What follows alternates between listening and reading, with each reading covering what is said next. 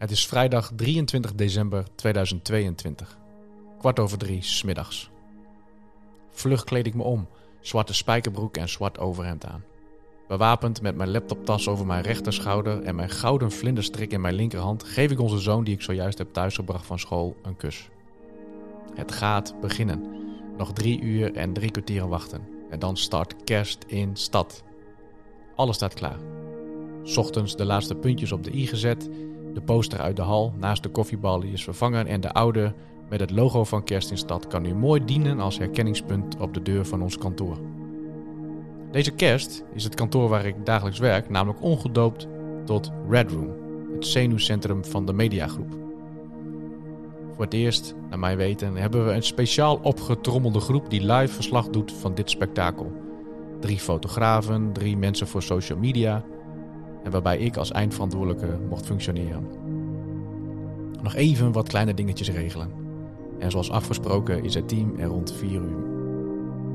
Enthousiast, verheugd en ook wel wat gezonde spanning voelend heet ik iedereen welkom en gaan we de laatste zaken doorspreken. Maar niet voordat we stilstaan bij dat wat er diezelfde middag gebeurde. Het overlijden van de schoonvader van een zeer gewaardeerd teamlid.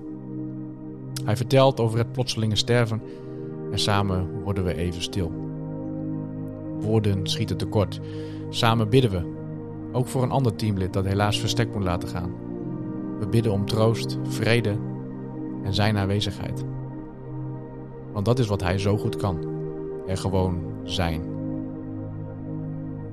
Omdat het eten om half vijf klaar is, besluiten we de laatste dingen nog even kort te bespreken. De portofoons zijn uitgedeeld je kent ze wel, van die oortjes waarmee je met elkaar kunt communiceren. Met een gouden keycord met media op het label verspreiden we ons in het gebouw. Ik blijf achter. En plotseling is het stil. Zo nu en dan gingen we wat met elkaar via de walkie-talkies communiceren terwijl ik werk aan het liveblog. De eerste foto's en video's komen binnen en door mijn oortje hoor ik: Ah, prachtig. Ik heb kippenvel. En wat zijn er veel mensen? Driftig verzamel ik de beelden en zet ik ze in onze fotodatabase. De eerste reacties op social media komen al binnen. Ook de video's die we maakten met de cast van de musical en met de bandleden vlak voor de eerste dienst, die worden erg goed ontvangen. Zo nu en dan komt er iemand binnenlopen. Foto's worden overgezet, verhalen worden uitgewisseld. Wat een geweldig voorrecht om hieraan mee te mogen werken. Zo gaan we door tot na de tweede dienst. Het is na 12. Vervolgens na een goede nacht, rond drie uur weer present om even later samen met Arjan een reporter van RTV Noord te ontvangen. In het huis van gebed nemen we een heel erg leuk item op. En weer door. Ik krijg flarden van de dienst mee. Vlak voor het einde van deze dienst ga ik naar huis om met mijn gezin te eten. En stiekem met een half oog delen van de livestream van de dienst van 8 uur kijkend, geniet ik van de lekkere hapjes verzorgd door mijn vrouw en onze kids.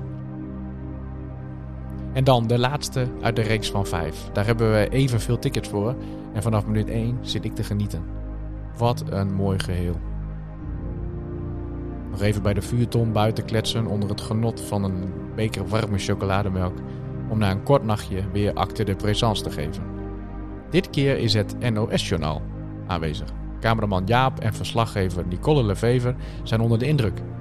En na de prachtige kerstfamiliedienst begeleid ik ze door de zaal om her en der wat vragen te stellen. Aan aanwezige leden, maar ook gasten. Of in ieder geval voor mij onbekenden. Ik word even stilgezet bij een kort interview. Als ik een moeder, terwijl ze haar kind de fles geeft, hoor zeggen: Ja, wij komen hier omdat we ons hier welkom voelen. Het is hier warm er heerst een hele prettige sfeer. je, hoort het, je hoort het wel eens uit derde hand. Maar iemand het horen zeggen is echt geweldig om mee te maken. Wat een mooie 48 uur. Wat heb ik genoten van alles en iedereen. En als jij meegewerkt hebt, of als je er gewoon was, bedankt. Want we hebben samen genoten. En onthoud dit: de liefde wint. De liefde wint altijd.